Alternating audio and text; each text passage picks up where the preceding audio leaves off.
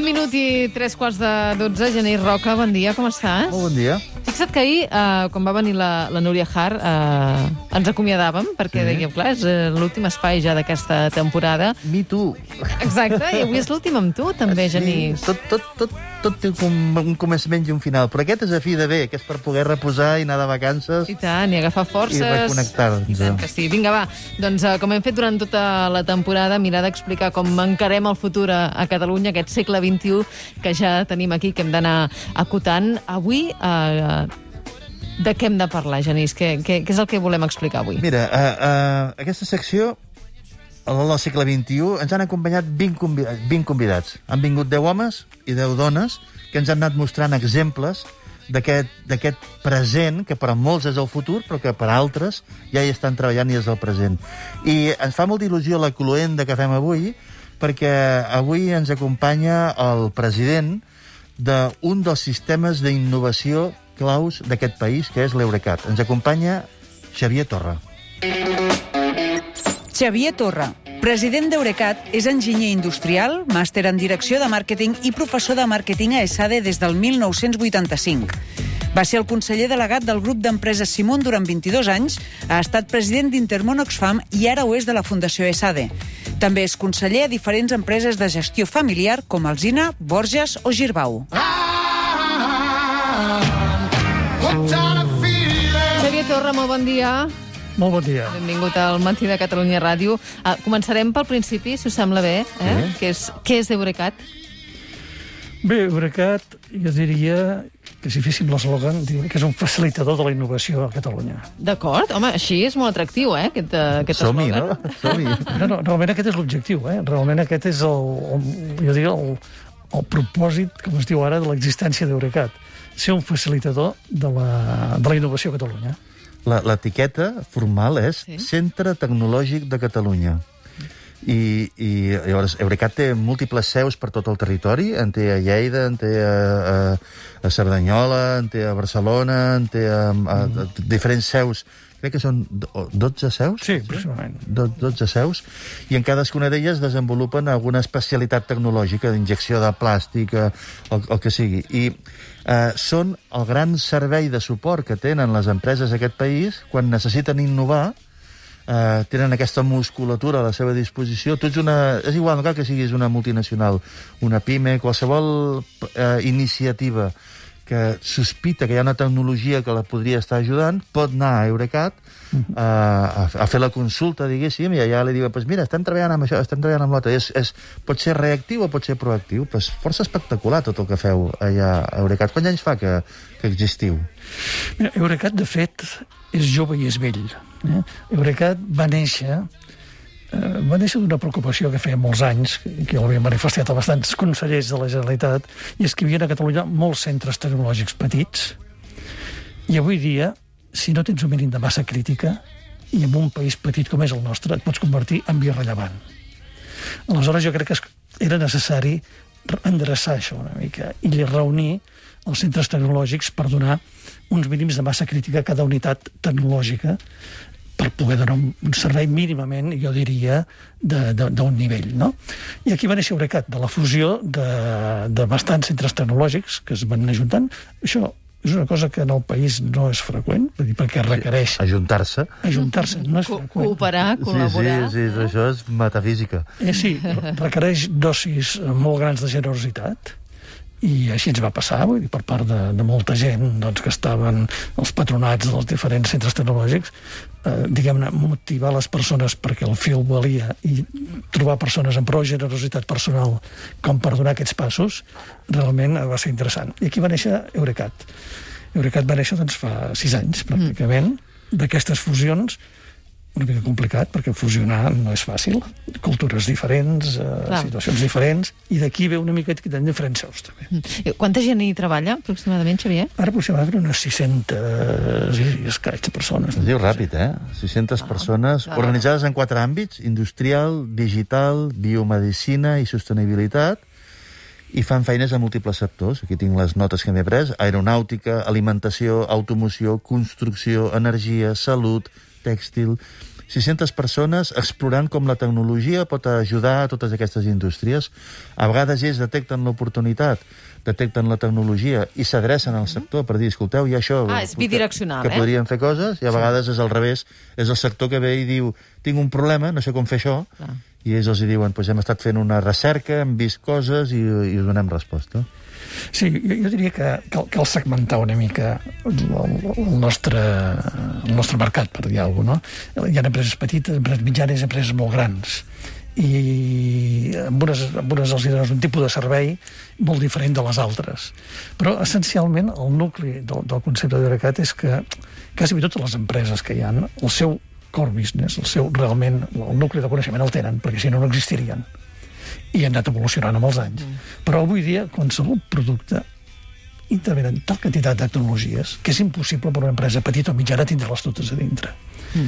Aleshores, per desenvolupar coses noves, Mm. És impossible una empresa petita i mitjana tindre laboratoris, eh, persones amb formació, etc etc per tindre totes aquestes tecnologies. Posa'ns, posa'ns si hi havia algun sí. exemple concret, perquè la gent que ens estigui escoltant eh, es faci una idea del que és el que feu o el que heu ajudat a fer, algun projecte d'impacte des d'Eurecat. Mira, per exemple, una cosa d'aquesta tarda, vull dir que una presentació a la Diputació de Tarragona d'un tema de turisme. Turisme sembla que diguis tecnologia zero, no? Bueno, al final, eh, l'introduir el, el món digital en el turisme, que al final és, al final és tan simple com facilitar o fer més fàcil a un turista poder anar a llocs, trobar la manera d'anar-hi, fer les reserves, etc etc. Vull dir, fer fàcil, còmode, la, la vida amb una persona que ens visita de tal manera que tingui ganes de tornar-hi, això no és un tema manual, vull dir, això és un tema que ve estrictament d'elements de, digitals que es desenvolupen per poder fer tot això. bueno, el turisme no l'assimilem sempre a l'hotel, als bars, etc etc. però, en canvi, doncs, hi ha tecnologies d'aquest estil que serveixen perquè la gent vagi a certs hotels o a certes visites turístiques o a certes bodegues, etc que ve tot d'un món digital. Per tant, es barregen es barregen tecnologies molt, molt, molt diverses. Ah, clar, tot això ho estem uh, explicant aquest any, que és un any encara... Anava a dir postpandèmia, però no, perquè és, no l'hem deixat enrere, ni molt menys. Any de pandèmia, ni les, post ni pre. Les dades que, que tenim avui, aquests 5.800 contagis, que és un rècord, no s'havia donat uh, mai aquesta, aquesta quantitat. Uh, amb la pandèmia ens han canviat les prioritats? Jo, jo crec que sí, que amb la pandèmia el, la societat, en termes generals, ha focalitzat segurament els seus interessos i al final les empreses tenen sentit quan solventen alguna cosa de la societat. No?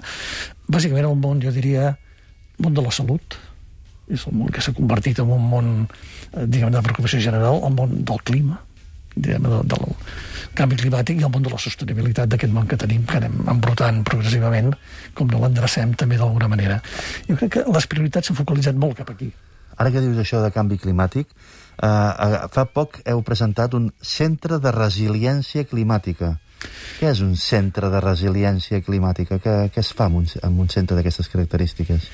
Bueno, no deixa de ser diguem un centre tecnològic. Una tecnologia són gent, diguem-ne, geògrafs, eh, tècnics, forestals, etc etc. gent que, d'alguna manera, el que pretenem és que a través d'aquest centre, primer pretenem una cosa, que és reunir això que vam començar Tot a el talent necessari. Reunir talent necessari i gent interessada per fer projectes concrets tots junts, en comptes de fer cadascun un projectet per separat i insignificant, doncs, juntament amb la Rovira i Virgili, juntament amb, amb l'Ajuntament d'Amposta, juntament amb organitzacions com la Fundació La Padera, etc, poder fer projectes de major envergadura i propostes, jo diria un govern de major envergadura, uh -huh. de cara, doncs, resiliència climàtica. Què vol dir? Doncs la capacitat de recuperar-nos davant de, de l'evolució del clima, com està venint i com podem mantenir certes coses en un context climàtic diferent. També heu creat una cosa que es diu BatTech, eh, que és un centre de referència en recerca sobre bateries. Una, una pregunta. La, la decisió de apostarem per resiliència climàtica o apostarem per bateries elèctriques és una decisió que pren Eurecat en el seu Consell o això està o bé la Conselleria d'Empresa i us diu aquest any vull això. Vull dir, com, quina és la relació entre el Centre de, de Tecnologia de Catalunya i les polítiques del país? Com es coordina això? Bueno, jo diria que es coordina amb una certa facilitat. És a dir, Eurecat té moltes iniciatives, segurament més de les que podem fer, per sort. Uh -huh. Això vol dir que està viu. i, per altra banda, les confrontem totes sempre amb la conselleria per, per no anar per camins diver, diferents, que no acostuma a passar, vull dir, perquè tenim contacte molt freqüent, amb el qual anem bastant alineats, no? El batec aquest doncs, no deixa de ser també una altra, diguem d'iniciativa de ajuntar coses, com en aquest cas és l'IDEC, l'Institut de Recerca d'Energia de Catalunya, uh -huh. i Eurecat, que ja veníem treballant fa temps amb una unitat més estructurada, focalitzada més en bateries. Ara que estem pendents també de l'arribada dels uh, fons europeus, dels, uh, dels Next Generation, uh, potser convindria tenir detectats uh, com a país quines són les nostres fortaleses, en què som bons. No sé, Xavier, si tu uh, pots marcar una mica uh, quins són els punts claus de, de Catalunya com a, no? com a potència. Mira, jo crec que Catalunya té una gran quantitat de punts bons, però una gran quantitat començant per l'atractiu que té en si mateix, perquè vingui talent aquí, perquè els agrada venir eh, i viure a Catalunya, seguint perquè la mateixa Catalunya té doncs, un sistema d'universitats i de més de formació, que hi ha gent amb talent dintre de Catalunya, seguint perquè tenim una estructura econòmica molt diversificada, un percentatge doncs, del sector agrícola, un percentatge del sector automòbil, un altre percentatge del sector turisme, dir, tenim tota una estructura econòmica que no és un monocultiu d'una cosa estrictament. Llavors aquesta diversitat dona una quantitat d'oportunitats tremenda. que necessitem és una mica, jo diria, de tranquil·litat de tranquil·litat, perquè deixeu-me dir, ara faig una mica el, diguem la meva publicitat, d'alguna forma. Portem sis anys d'Eurecat i portem sis consellers d'empresa. I vamos para bingo. No. La incertesa política, no, la inestabilitat política no és una bona consellera. Jo diria que estic parlant d'empresa ara, sí, i d'innovació. Sí. L'empresa, normalment les empreses industrials, les, les inversions tenen un període de maduració llarg no són coses que es fan avui perquè demà mm. es guanyin diners, sinó que requereixen inversions, temps, abans no es posen en marxa per tant temps. Llavors això vol tindre una certa visió de què es pot fer, que pel mig no hi haurà masses ensurts, més dels normals, no? I d'aquí aquesta tranquil·litat una mica que et deia. De fet, això és una... Uh, si fas una miqueta de diagnòstic del país, aquest és un problema general. Vull dir, també a, a cultura ha passat el mateix. A sis conselleries en sis anys, aquestes coses, eh, clar, que ens, que ens estigui passant això amb cultura i amb, i amb, i amb tecnologia o amb, o, amb, o amb desenvolupament industrial o i econòmic, pues, eh, no, no deixa de ser un problema. De tota manera, aquesta infraestructura que sou vosaltres, l'Eurecat, fa només sis anys que existeix, llavors és molt probable que molta gent encara no la, no la conegui, no l'hagi descobert.